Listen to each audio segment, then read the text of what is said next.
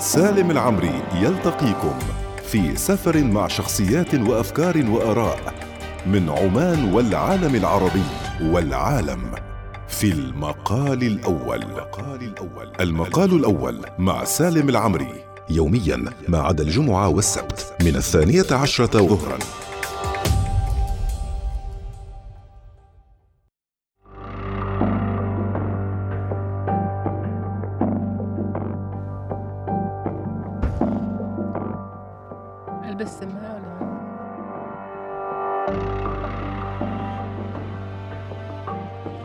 الله الرحمن الرحيم. السلام عليكم ورحمة الله وبركاته. أهلا وسهلا بكم مستمعينا الكرام في المقال الأول. أنا سعيد جدا لأنه ألتقي ببشرى خلفان وسعيد جدا لأنه أع- لأعبر لها عن غضبي مرة أخرى وإنزعاجي ويعني وعن كل العبارات التي آه، يعني فيها الإدانة عن ما فعلته بي وبكثير من القراء من خلال آه، دلشاد. أنا نهيت الرواية الساعة 2 بالليل. انتظرت الصباح بس عشان اتصل فيها. وعاتبها وكنت جدا منزعج. أهلا بك الاستاذه بشرى أهلا يا سالم. أنا يعني انزعاجك كنت مبرر وكنت أقول لصديقه عزيزه يعرفها يمكن غالبية القراء اللي هي الأستاذة بثينه العيسى في الكويت كانت مرة حطت تغريدة على ما يبدو أو يمكن بوست في الفيسبوك تقول فيه أعتقد أنها كانت هذه مقتبس من شخص ما ما قادر أتذكر الآن أن آه، الكاتب الذي يترك نصه مفتوحا يبحث عنه القارئ بمسدس. فأنا جاوبتها أرسلت لها قلت لها أما أنا في دلشاد كانت لسه لم تنشر آه سيبحث عني ال- القارئ وجيرانه وجماعته وأهله بكل المسدسات والأشياء اللي تركته مفتوح جدا جدا. فعذ فعتابك في محله لا أستطيع أني أقول أي شيء آخر. يمكن دلشاد الأستاذة بشرى خلفان خذتنا لكثير من المناطق اللي آه، ربما آه، الواحد يحبها. يعني مناطق موجودة في مسقط ومطرح تحديدا. لكن من الناحية من ناحية تناول الجوع منطقة أشك إنه في روايات عالمية أو محلية تطرقت إلى مسألة الجوع والتعبير عنها بتلك التفاصيل. ما أعرف أكيد أنت عندك اطلاع أكثر.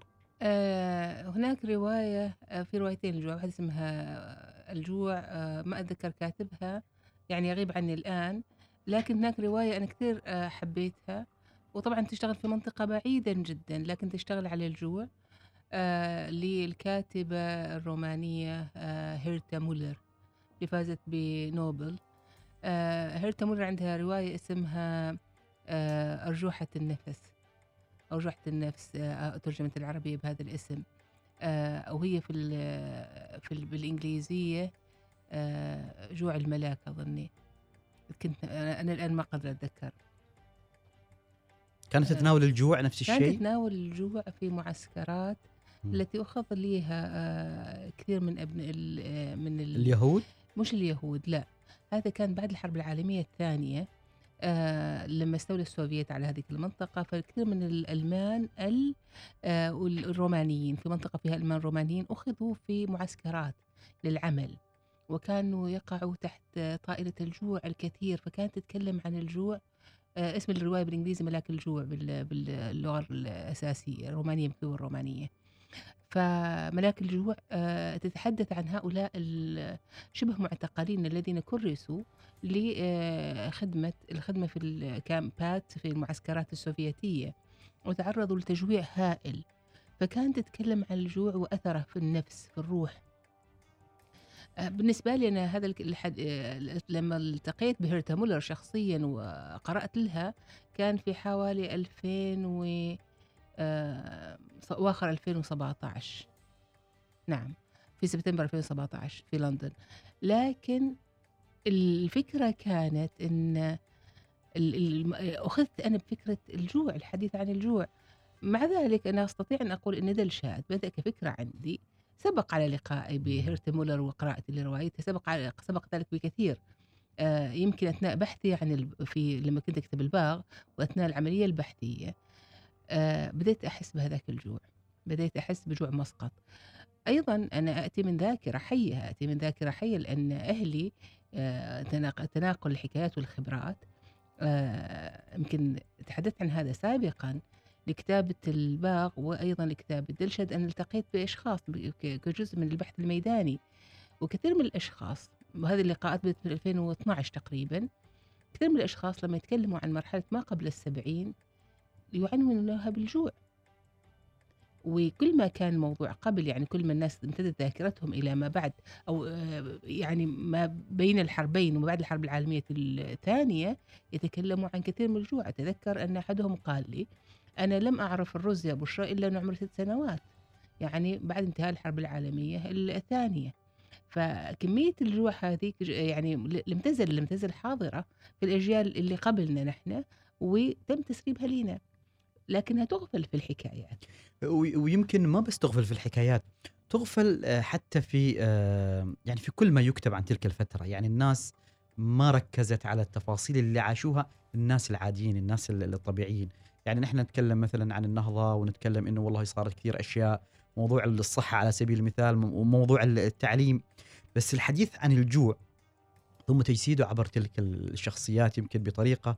أنا أنا شخصيا أول مرة يعني آه، تواجهني من خلال النص فعلا يشعرك آه، بالجوع. لكن خليني أروح لدلشاد. هذا الاسم اللي أنت اخترتيه أو المسمى اللي اخترتيه لهذه الشخصية اللي أتت من سيح المالح. آه، مع إنه هو مؤمن إنه السيح ما كان مالح لأنه راح واختبر ما ما يسيح بنفسه. اختيار دلشاد. كاسم. دلشاد ما من سيح المالح. دلشاد يعني لنرجع للحكاية آه يعني الحكاية التاريخية للأسرة التي أنجبتهن. كان في عملية إن آه انقطاع النسب في سيح المالح. آه أما المالح فكان يتكلموا عن طوي الحلوة طوي الحلوة هي طوي في مسقط. آه التي جربها فوجدها أنها حلوة ليست مالحة. آه بعد وفاة والده اللي كان يجيب الماي ويوزعها كسقيا على يشتغل سقاء في النهاية. دلشاد آه دل هو القلب. القلب. القلب. دل هو القلب. شاد اللي هو الفرح. فدل شاد هو القلب والفرح. طبعا هذه يعني بالبلوشي. كثير من العوائل البلوشية أعرفها بتاخذ هذا الاسم لكن أنا صدقا وأنا أكتب ما كنت حاطة في بالي العائلة البلوشية بقدر ما كان بالنسبة لي المعنى القلب الفرح اللي توافق مع الشخصية اللي أنا جالسة أبنيها هنا بس الله يخليك اشرحي لي يمكن لأني أنا تهت أو إني ضعت أو ان ذاكرتي أيضا آه، ما أسعفتني. اذا اذا دلشاد من أين أتى؟ يعني أنت لما صنعتي هذه الشخصية وفي كثير من الغموض في البداية ف بس عشنا مع التفاصيل مع تعدد الناس اللي تسرد لاحقا آه، من وين أتى؟ آه، دلشاد كشخصية روائية ولا دلشاد روا... داخل الروايه؟ آه، داخل الرواية أوكي دلشاد أبوه منقطع النسب لأن جدته تعرضت إلى الاعتداء تم اغتصابها في سيح المالح وجاءت بطفلها وهذا عد أبوه هو هو أبوه تزوج امرأة قريبة اللي هي وثم مات لأن الإبعاد. الأب راح يبحث عن حبل سرته في آه، سيح المالح المكان الذي تم اغتصاب أمه فيه. أما في أما دلشاد فهو ابن لرجل وأم وامرأة معروفين. معروفين. أبوه هو اللي مش معروف في النسب. دلشاد تربى في حارة من حارات العرب في مسقط لكن آه، حقيقة اللي ربيوه واحتضنوه كانوا آه، البلوش. هم الذين أطلقوا عليه اسم دلشاد لأنه كان كثير الضحك. ومن هنا أتت أتت القصة وأتت يمكن البدايات. آه، يعني عند الحديث عن هذا الاختلاط العربي البلوشي أيضا وبقية الناس المجتمع اللي كان في مسقط في ذلك الوقت. وأنت أيضا استخدمتي أسماء وأسماء متقاربة وأسماء ربما تتشابه آه، على الأقل ربما الاسم الأول الاسم الثاني. ما خفتي؟ يعني نحن مجتمع لين اليوم بعد حساس آه، لاستخدام الأسماء آه، القريبة من مجتمعنا في الروايات. أنا دائما ما أعرف أنا آه، واحدة من الأشياء اللي أعتمدها دائما في الكتابة وحتى يمكن كان في الباغ كانت الأسماء ثلاثية في الباغ أيضا. لكن ربما في الباغ لعبت اللعبة بعدني ما كنت ما واثقة من نفسي لكن فيما يتعلق في دلشات تحديدا أنا قدمت النية أنا دائما أشتغل على النية نية نية الأشياء ما هي. آه إذا كانت النية طيبة لأن يعني آه الإمام علي يقول يعني ما أضمر امرؤ من شيء في نفسه إلا بان عليه في وجهه وفي قسمات وجهه وفلتات لسانه. فأعتقد لما واحد فينا يضمر الخير الخير بيبان. وعندما يضمر الشر الشر بيبان. شربيبة فلما تكون أنت داخل العمل وأنت ما عندك أي أجندة مسبقة. أي أجندة مسبقة. أي مش متربي بشكل عنصري يعني بهالأشياء كلها. ولو كان العكس مهما حاولت أن تخفيه سوف يظهر. وكان هي تحدي لأني أنا حتى أتذكر حتى صديقات عندي من آه، الإمارات. كنت أتكلم مع صديقات في الإمارات. قالت لي كيف تجرؤي إنك أنت أنت ما خايفة أن تدخلي في هذا المكان؟ وقلت لهم لا. أنا ما خايفة لأني أنا أعرف نيتي. أنا نيتي عرفتنها أنا إيش أم- مقاصدي يعني أعرفها. ما حد ما حد عاتبك على الأسماء؟ ابدا, أبداً. بالعكس واحدة. من أفضل الأشياء. في بنت خبرني ان جدها دلشاد هم بيت دلشاد متصله فيني أنا ما اعرفها البنت متواصلت معي عن طريق الإنستغرام تقول لي كيف هي فرحانة وكيف هي فخورة وكيف هي مبسوطة إن اسمهم يعني بشكل ما توثق صار موثق في الكتاب لم أجد عتاب بالعكس بالذات يعني آه، الأصدقائي والناس حتى اللي مش أصدقاء. وتعرفت عليهم عن طريق الكتاب بالمناسبة كثير ناس اللي ما كنت أعرفهم. وتعرفت عليهم عن طريق دلشات تواصلوا معي. آه، ناس كانوا يعني جيراننا في مسقط من البلوش وكذا. آه، فرحانين بالرواية. وهذا بالنسبة لي كان يعني حتى الآن لما أفكر في الموضوع يعني يغمرني يغمرني الفرح. مش لأني يعني عكس عكس توقعاتي لأنه لم يكن في توقعاتي. أنا لما أكتب ما أحط في توقعاتي ما يحدثه هذا في الآخرين لأني مش هدفي ما يحدثه في الآخرين هدفي هو إني أكتب. لكن ردود الفعل اللي وجدتها من الناس يعني كانت مبهرة مبهرة فعلا. سواء كانوا من أهل مطرح ولا كانوا من أهل مسقط كان بالنسبة لي شيء غامر. ما في حد قد يعني لمح لا تلميحا أو تصريحا إنه وجد أي شيء من العنصرية على الأقل حتى الآن ما حد قال لي. آه، في موضوع الجرأة تواصل معي واحد من الأصدقاء من السعودية فكان يقول لبشرى آه، إذا كان في شيء يحسب لهذه الرواية هو الجرأة. الجرأة إنش أنت ما خفتي وهذا الكلام جاني من الكويت بصيغة وبأخرى ومن الإمارات بصيغة ومن آه، السعودية بينما في عمان كان الموضوع طبيعي. وهنا كان الفارق إن من برا كان يقول لي هي جرأة. أنت تكلمتي يعني يعني آه، طرحتي هذا الج- الجانب. بس في عمان كان الموضوع فيه حب كان في تلقي بحب. ما حد تكلم عن جرأة بقدر و- الحب. ويمكن كان الجمهور أيضا من مختلف الأعمار يعني مختلف آه، الأعمار من مختلف ال- ال- الخلفيات المعرفية. أنا أنا أم يعني لو أقول لك كيف أنا مغمورة بهذا الحب في عمان قد الشاد أنا بنفسي ما قادرة أصدق أني يعني بعض الأحيان أنظر لي وأقول والله كان عمل جيد يعني. Did well. آه، طبعا يعني يعني في بحث كثير. يعني أنت ذكرتي الباغ وأشرتي إلى الباغ. تقريبا نفس الفترة الزمنية أو الفترة الزم يعني الزمنية واحدة وإن كانت ربما القصة أيضا آه، يعني طبيعة الشخصيات في معظمها تختلف تتقاطع في الأماكن. آم، لكن على الأقل آه، في الباغ هناك أيضا شبه نهاية. يعني شبه يعني أنا أنا ما عرفت مات زاهر ولا ما مات. مات زاهر ولا ما مات في, في كان في الحبس لا زاهر. آه، كان في الحبس. إن شاء الله يطلع الله العافية. زين وبعده ما طلع. بعد آه، لأنه أنت ذكرت إنه كان ينهار في Yeah. في نهاية الرواية وكانت أمه أيضا متأثرة.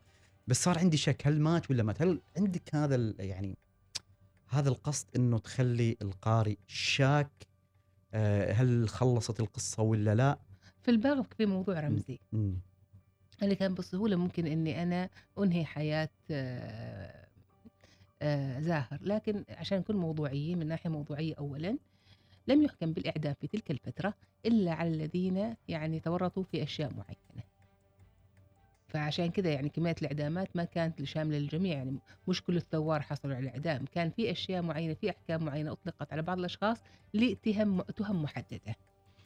آه، أما فيما يتف... وزاهر ما كان ينطبق عليه هذا الشيء. واحد. شيء ثاني أنا دائما أرى أن الثورة آه، ما ممكن تموت ما دام أسبابها موجودة الثورة لا تموت. أوكي؟ لكنها تختفي لاختفاء السبب. تنتفي لانتفاء السبب. إذا ما كان في شيء يدعو الناس للحراك وللثورة إذا ما في داعي ليها. لكن الثورة عمرها ما ماتت. عشان كده هي دائما متجددة في ذاكرة الشعوب. فما كان ممكن يموت زاهر بالنسبة لي الموضوع الرمزي في الموضوع. الرمزي في الموضوع. موضوع. آه، الفترة الزمنية.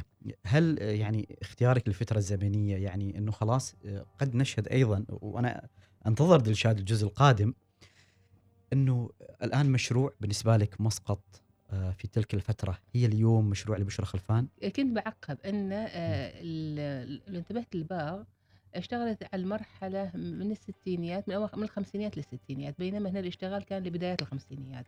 فتقريبا دلشاد المرحلة اللي هي من آه، عشرينيات القرن ال- أو حتى قبل من أوائل القرن العشرين إلى أواخر الأربعينيات بداية الخمسينيات ثم الباغ جاءت بعد ذلك. لكن الباغ ودلشاد رغم في ناس كثير يحبوا يعتقدون أنها هي تكملة هي ما لها علاقة فيها. الموضوع الأصلي في كل هذا هي مسقط. مسقط وحكاياتها ومسقط غنية بالحكايات. فدلشاد بالذات مسقط أكثر من الباغ لأن الباغ حتى الناس اللي جاي يعني أسرة راشد. راشد وريق جايوا من من الباطنة okay؟ أو من من جنوب الباطنة. بينما هنا لا هؤلاء هذه الأسرة هذه الأحداث بشخصياتها في دلشاد مسقطية 100% الآن الفرق ما بين نهايتين ما بين دلشاد والباغ أن الباغ وإن بدت أنها هي نهاية مفتوحة وتركت القارئ في حيرة هذا السؤال اللي طرحته أستاذ سالم إلا أنها تختلف اختلاف قدري عن دلشاد لأن دلشاد لها جزء آخر. طبعا أنت ختمتي- الجزء الآخر واضح وصريح عشان كذا في كثير من الخيوط تركت مفتوحة بقصدية. طبعا يعني كثير من الخيوط يعني ربما آه، هل آه، قاسم راح يلتقي بفريدة آه، مرة أخرى هل دلشاد سيشاهد فريدة؟ أعتقد هذه ربما بعض بعض نعم. الأسئلة. لكن أنت تكلمتي عن فترة الجوع. نعم. وقلت أنه ستأتي سيرة الشبع. الشبع. آه، إيش تقصد بسيرة الشبع؟ نذهب إلى فاصل قصير ثم نعود مع الأستاذة بشرى خلفان. المقال الأول مع سالم العمري.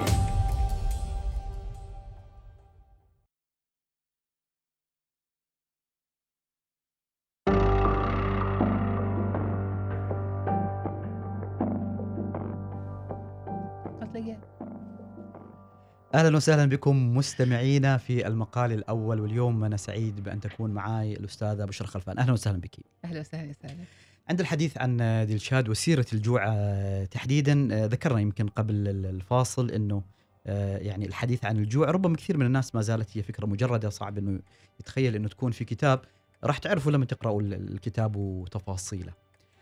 أنا متشوق لسيرة الشبع. يعني أتحدث هنا عن الشبع في كل ما حدث بعد ذلك. صحيح؟ تعرف الموضوع آه، في آه، واحد من الأصدقاء قال لي أخشى عليك يا بشرى من الوقوع في فخ الثنائيات والكلاشيه.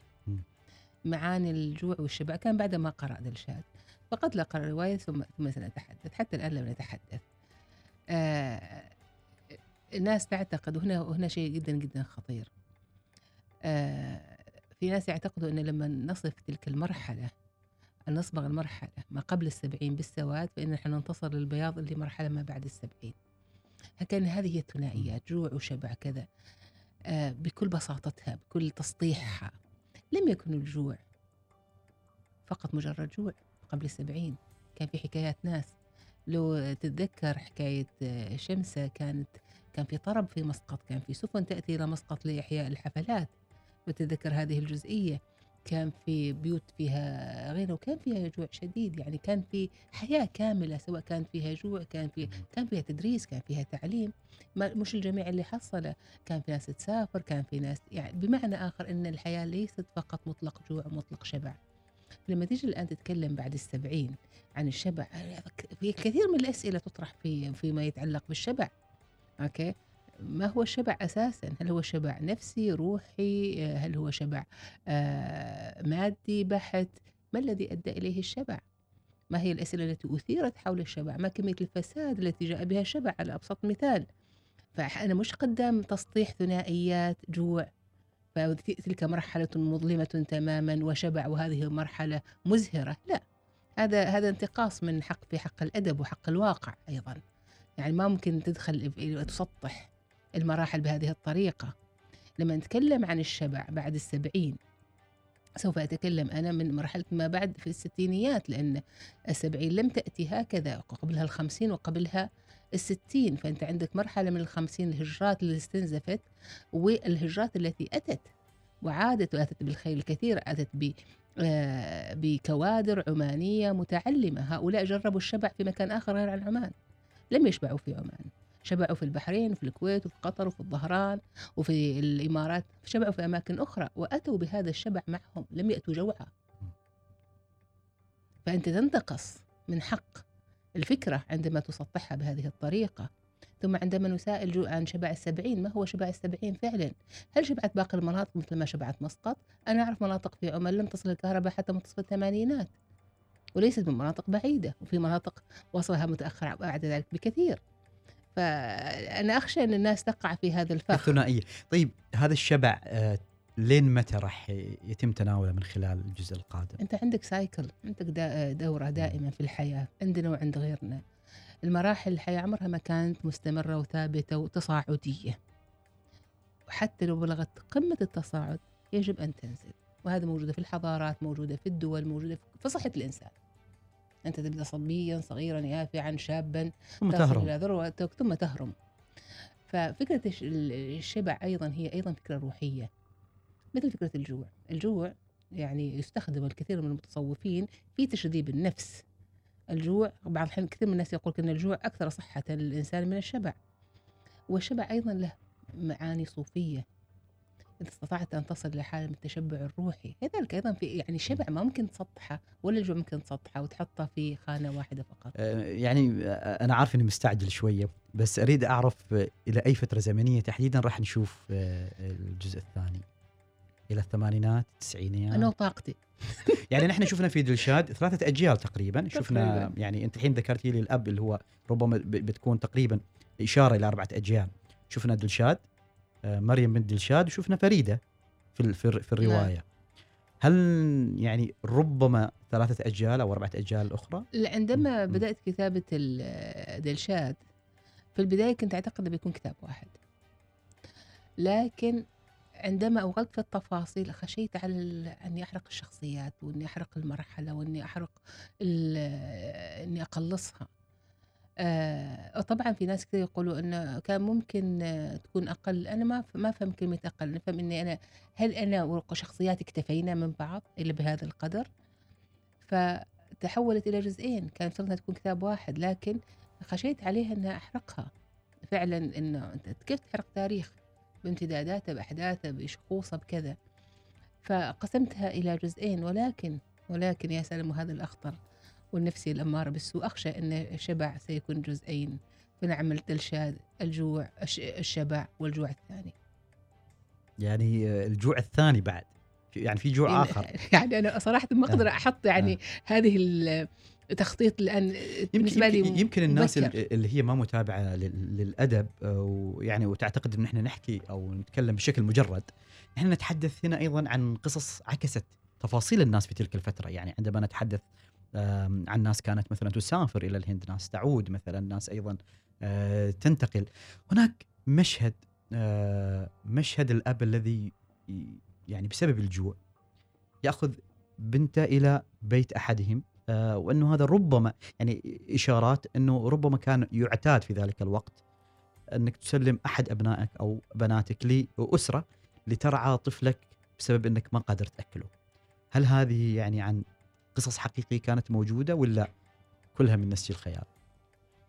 في الكثير من القراءات في كثير من آه، الاطلاع نكتشف إن الناس تضطر في أوقات الأزمات في أوقات آه، المخامص والجوع وكذا إلى آه، التصرف بطريقة ان نجدها الآن إحنا في وقت ال- الترف قد نستنكرها كثير من الناس اضطروا إنهم هم يعطوا أولادهم. وحقيقة كنت اقرا أقرأ مؤخرا كتاب اسمه قطار الأطفال يتكلم عن آه، في مكان في إيطاليا اعتقد سردينيا أو في صقليه إن من شدة الجوع التي أصابتهم اضطروا إنهم يعطوا أولادهم ينتقلوا إلى شمال إيطاليا عشان يعيشوا مع أسر أخرى. لأن الأسر في آه، صقليه ما ما قادرة تعيد أطفالها.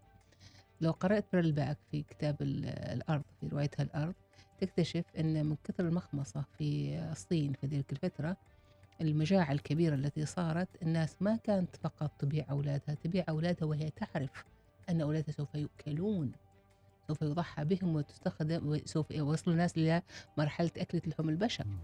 فكان بدل ما يأكل ولده يبيع ولده لشخص آخر ولده يؤكل وهو يعرف أن ولده سوف يؤكل. فهذه الأشياء مش أنها هي من نوادر في العالم. نأتي إلى عمان. أنا شخصيا سمعت أكثر من حكاية لكن عمري ما قدرت يعني سمعت وأنا صغيرة. بس لما كبرت لما جيت أكتب دلشاد وكان من الطرائف بالنسبة لي إني أنا يبدو إني محت عندي هذه الحكايات وبقت الحكاية الأصلية إن دلشاد يضطر إلى بيع بنته. ولا أتذكر من هم الشغ... إيش هي الحكايات الأساسية اللي أنا سمعتها. بس على ما يبدو إني أنا سمعت حكايات لأن في حد جو قال لي بعد ما قرأ دلشاد وش هاي تشبه حكاية فلانة؟ أنا لا أتذكر. لأن في شيء يصير في أثناء عمليه الكتابة إن نحن لا نرتكز على الحكايات بشكل واعي. هي أشياء تحدث في اللاوعي.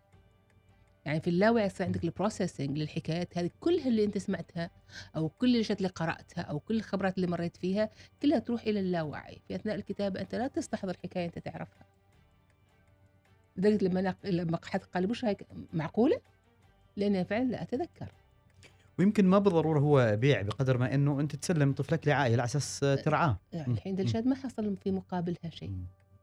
ما حصل في مقابل مريم شيء فهو إيه. ما كان يريد ثمن مقابلها. يريدها تعيش. يريدها تعيش ويريدها تنستر. لاحظ انتبه. في الحكاية هنا مش كان موضوع جوع. كان يخاف عليها لما بدها تكبر. ولا ما عندها أم. وتضطر تروح معاه السوق وبدأ يشوف نظرات الناس ليها. نظرات الرجال لجسمها وهي تكبر. فبغاها انها هي تنصان أيضا مش فقط موضوع جوع. يعني عند الحديث عن كل ربما الشخصيات بتفاصيلها أيضا الانتقالات من مكان آه، إلى مكان انت تناولتي الحارات يعني آه، رجعتي فيها حياة وأيضا تناولتي فت- فترات تاريخية يعني بينها مثلا الحرائق اللي معروفة للناس مثلا يعني تتذكرها ما أعرف إذا كانت الحرائق المقصودة تاريخيا ولا حريق آخر يعني آه، يعني تتكلم عن تاريخ الشجاعية إيه الحرائق الشجاعية إيه. وفي مطرح تحديدا نعم في حرائق يعني أنت أنت نفس. الفترة ولا كانت هذه الحرائق لاحقا؟ ده هي الحرائق مم. كانت دائما موجودة على. فكرة. في ناس بس يعتقدوا إنها حرائق لها مغازي سياسية. لا هي حرائق كانت تحدث كل صيف عشان عوامل الصيف نفسه وعوامل الإهمال لأن نوعية ال- هذيك الحارات هذيك عبارة عن سعف النخيل ممكن تلتهب من أي شيء وتنتشر فيها الحرائق. مش كل شيء كان مدبر يعني كانت في حرائق قائمة. ويقال إن دبرت بعض الح- الحرائق في فترة زمنية معينة في مسقط وفي مطرح لأهداف تخطيطية. لها علاقة قد تكون بإعادة تخطيط مسقط أو لها علاقة بصراعات معينة بس لا في مطرح كانت تنشب الحرائق. في بعض الأحيان نتيجة ال- الوضع مال هذه الأماكن نفسها. وضع ذلك طبيعي ذلك الوضع. طبيعي نعم. يعني بالنسبة للتفاصيل اللي هي متعلقة أيضا آه، ب آه، يعني تفاصيل تاريخية أخرى يعني متعلقة مثلا بالحرب متعلقة أيضا ب يعني آه، بالسلطة في ذلك الوقت. لاي مدى كانت حاضرة ولاي مدى كانت أيضا متوارية؟ أنا أنا ما كثير يهمني في كتابتي التاريخية إن أتكلم عن السلطة آه، إلا بقدر ما تخدم العمل الفني. أنا يهمني العمل اللي أنا أشتغله. في الحقيقة الآن في تعريفات الرواية التاريخية زمان كان كثير المركز الرواية التاريخية على رواية ال- السلطة. آه، عشان كذا نحن نجد أن الروايات يعني وهي تكون أقرب إلى التوثيق. لأن في النهاية من الذين وثقوا لمجريات الأحداث إلا أولئك الذين هم يعني على مقربة من السلطة. آه، سواء لأنهم كانوا هم المتعلمين أكثر تعليما أو لأنهم هم الذين شهدوا التغيرات في السلطة. أنا هذا ما يهمني. أي- هذا هذا هذا بسهولة ممكن أحصله من المراجع التاريخية. أي حد يريد يبحث في تاريخ عمان سوف يجد الكثير عما يقال عن عهد السلطان سعيد بن تيمور وما قبله تيمور بن فيصل. لكن اللي يهمني اللي يهمني هو الناس كيف كانوا يعيشوا الناس إيش كانوا يعانوا الناس إيش كانت أحلامهم إيش طموحاتهم إيش آمالهم إيش يومياتهم هذه اللي مثل أنا اللي أعيشها الآن لكن زمان. هذا اللي مهم بالنسبة لي الرواية التاريخية لم تعد هي رواية الغالب. لكن هي أيضا رواية المغلوب لم تعد رواية السلطة لكن هي أيضا هي رواية ال- الشعب الناس اللي موجودين الناس البسطاء. أنا هكذا أنظر للرواية التاريخية. ليست هي رواية ال- آه، ال- القادر هي أيضا ال- الغير قادر على قول حكايته فأقولها بدالة. يمكن ال- الحديث عن السوق أيضا والحديث أيضا عن الميناء. يعني في أماكن الناس ربما تستذكرها بشكلها الوثائقي. أنت استذكرتيها بشكل فيه نوع أيضا آه، من الحياة. بس في شخصيات آه، أنا يعني لين الحين ما أعرف يعني أنت حطيتي مثل حسن لبن على سبيل المثال.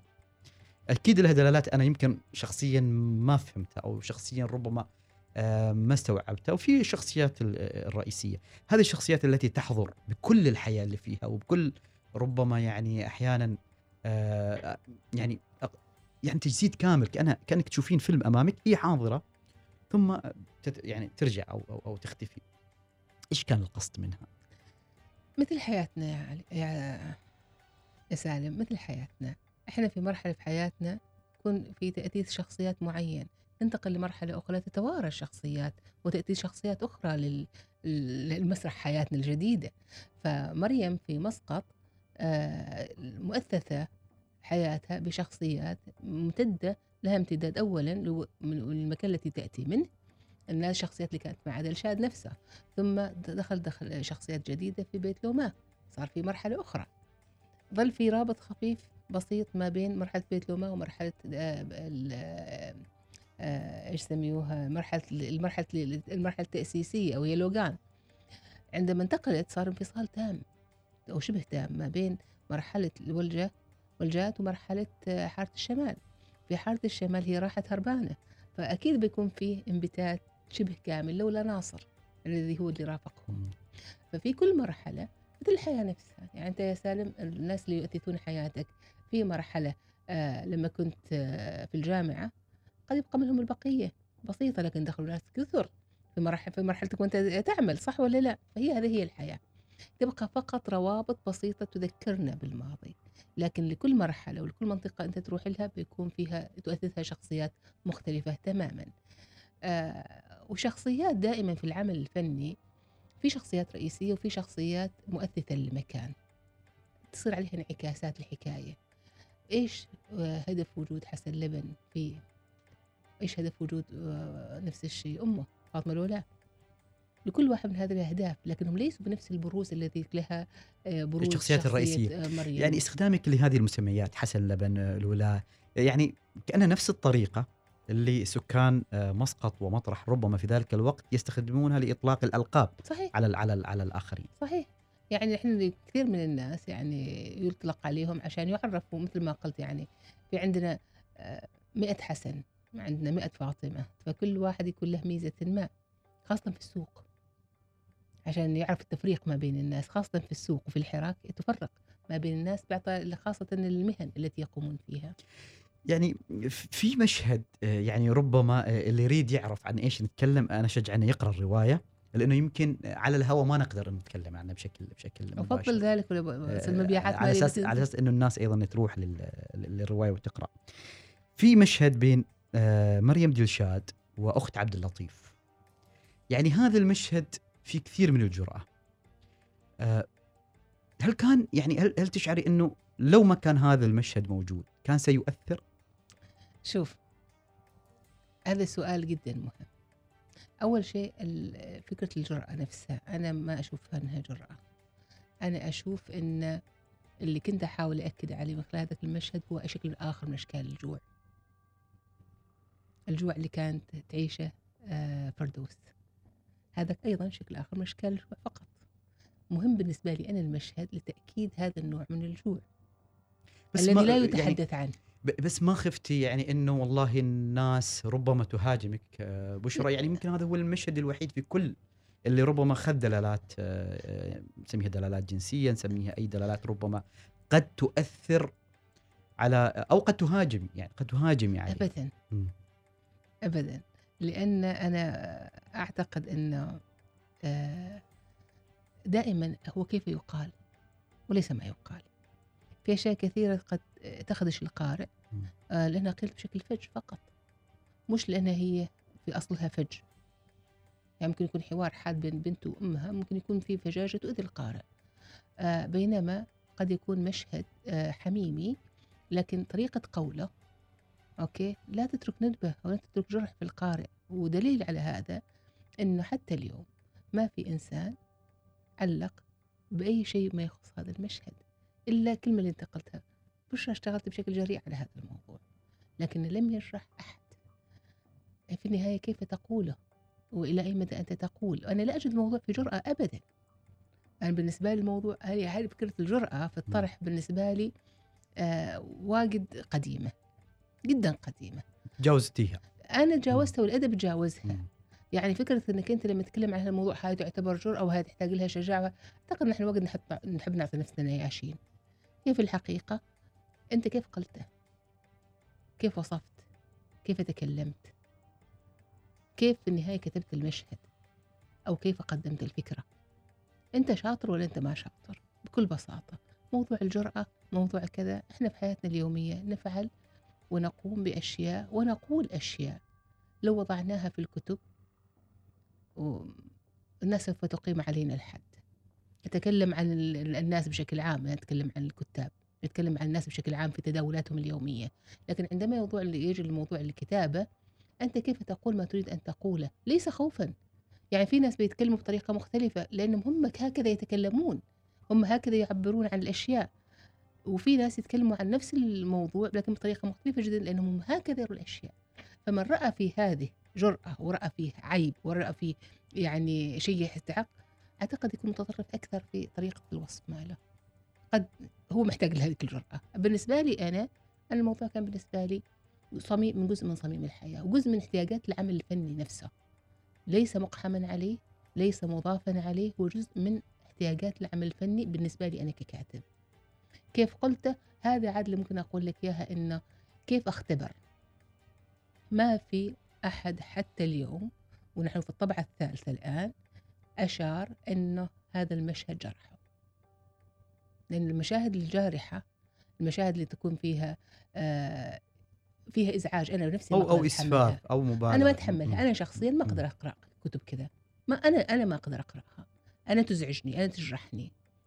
إنزين يعني وبكثير من الأحيان في فقرات تتجاوزها بسرعة آه لأن العمل جيد. لكن ما إني ما أقدر اقرا بهذه الطريقة فما أقدر أكتب. بعد الفاصل سنذهب أيضا إلى تفاصيل أخرى ويمكن آه، يعني دلشاد والبحث أيضا في في التاريخ آه، يعني آه، سيأخذنا إلى كل الأسئلة تطرح على على بشرى. هل متى يعني راح نشوف مثلا هذا كعمل كمسلسل كفيلم؟ نذهب إلى فاصل قصير ثم نعود. المقال الأول مع سالم العمري.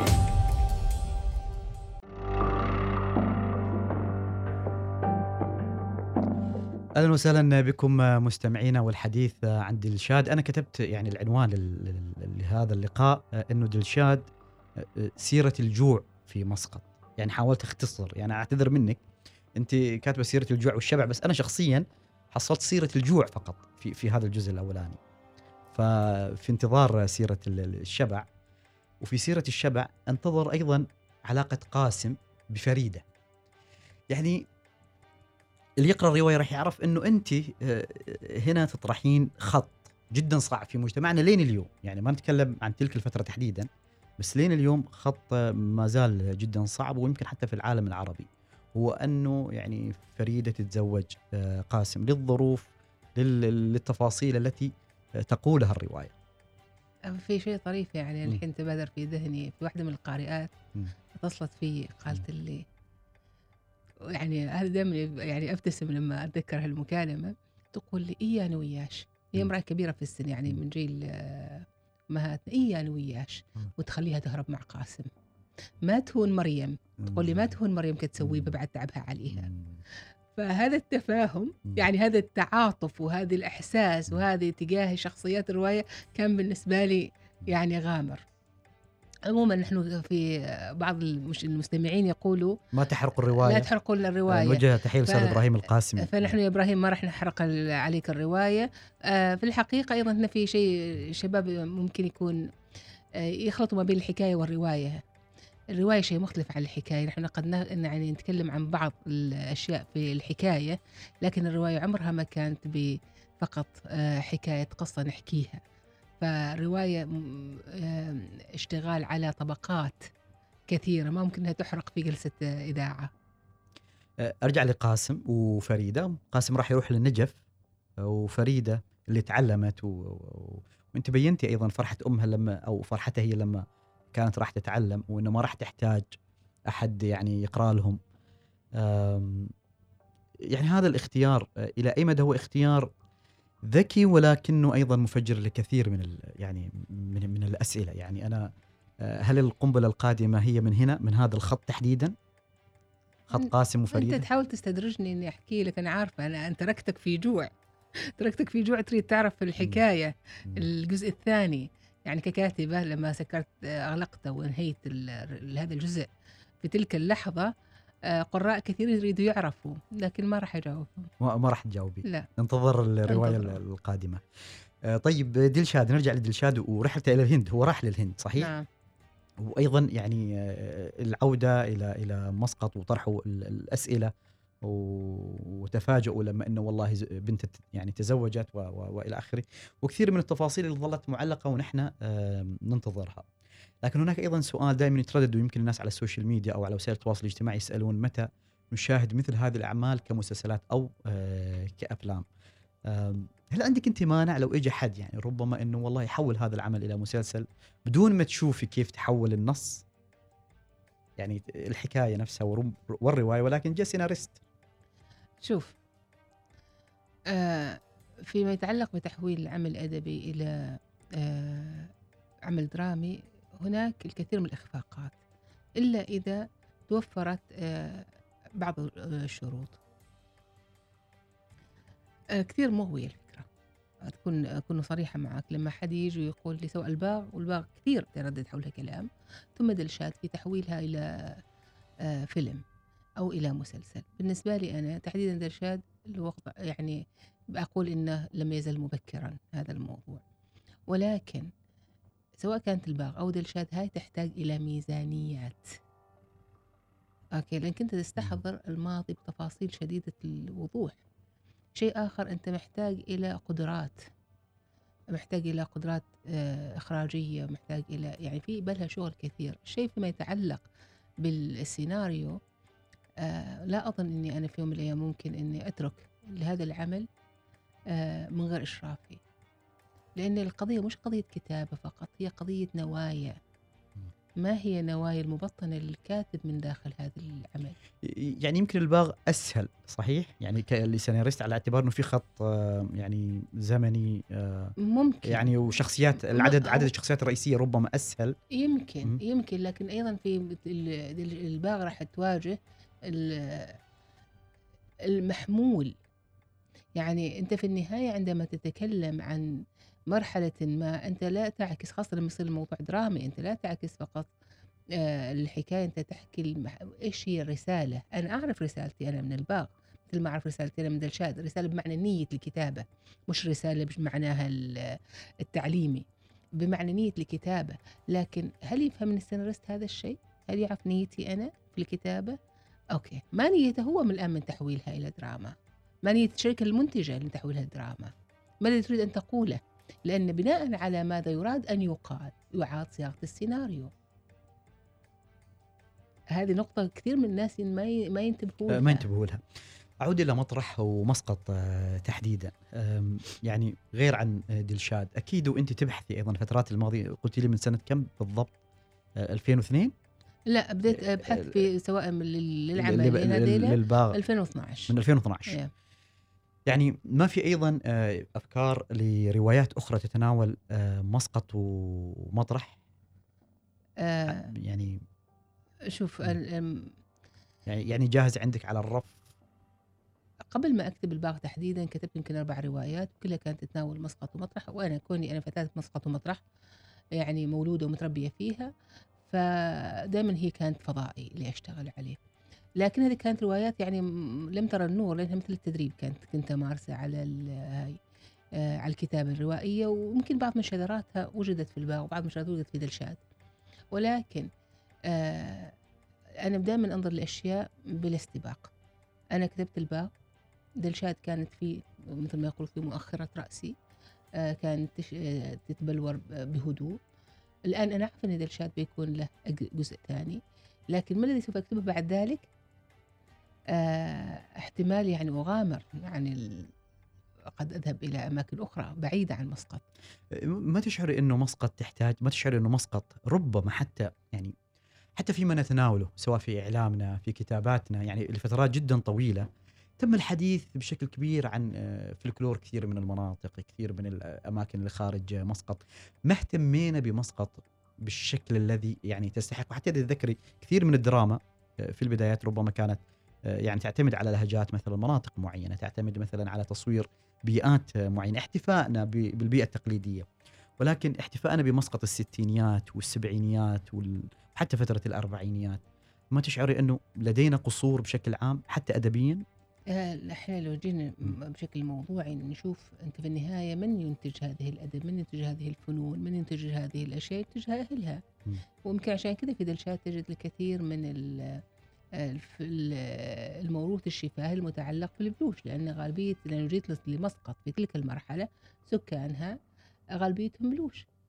ما همش عرب. عرب كانوا قلة في مسقط. فعليك أنك تحتفي بهذا الموروث عليك أن تحتفي بهذه اللغة عليك أن تحتفي بهذه التفاصيل المتعلقة. آه ليس فقط يعني إحنا اللي صار عندنا وهذا شيء من الأشياء التي آه قد يعاتبني عليها كثير لما أقولها ولكن إحنا فقط احتفلنا واحتفينا بما قاله العرب. لم نحتفي فعلا ولم نوثق لما قاله آه سكان مسقط الحقيقيين. أنت ما ممكن تنزع إنك أنت تفقد سكان مسقط كانوا عرب سكان مسقط لم يكونوا عرب. ومسقط عاصمة يعني ممتدة على المحيط وعلى البحر وممتدة إلى يعني كثير من الأماكن اللي ما تواصلنا ممكن معاها إنك أنت بشكل تخالف تاريخي. الواقع وتقول إن في مسقط كان فيها هذه الفنون فقط. مسقط ضمت فنون لها علاقة بالموروث الشفاهي البلوشي لها علاقة بموروث الشفاهي اللوتياني لها لها علاقة بموروث الشفاهي حتى عند الهنود والبانيان لكن لم يدرسوا. لم يتعمق النظر فيهم. يعني مثل ال- وفي فئة أخرى نحن كثير نغيبها ما نعرف عنها كثير. العرب الذين أتوا إلى مسقط واشتغلوا في السعي في السعيدية. في البداية كانوا وحدهم بس بعدين جابوا أسرهم. الجزء كبير منهم من الشام فلسطين. وغالبيتهم شوام من فلسطين ومن من لبنان. وثم صاروا جزء من النسيج العماني يعني صاروا عمانيين بال يعني تجنسوا وصاروا عمانيين. لكنهم لا يذكروا. وهذه يعني نقطة أنا بالنسبة لي كثير فارقة كثير منهم أيضا تزوجوا في عمانيين وصاروا جزء من أولادهم صاروا يعني الأحفاد صاروا يعني جزء من الخليط العماني. ولكن ال- الكثير من الناس اللي يعني في قصور في ذكرهم في قصور في في تناول تاريخ هذا التاريخ الجزء من التاريخ في التكوين آه، في يتعلق بتكوين ال- الناس في مسقط تحديدا. مسقط بعد السبعين صار في كثير من الهجرات. فكثير من الأشياء اللي موجودة الآن في مسقط هي في الحقيقة عبارة عن فنون نحن جبناها من المناطق. من مختلف ال- المناطق. أيوه. يمكن الحديث آه، عن دلشاد يطول. يعني أنا آه، أتحدث الآن فقط عن سيرة الجوع. نعم.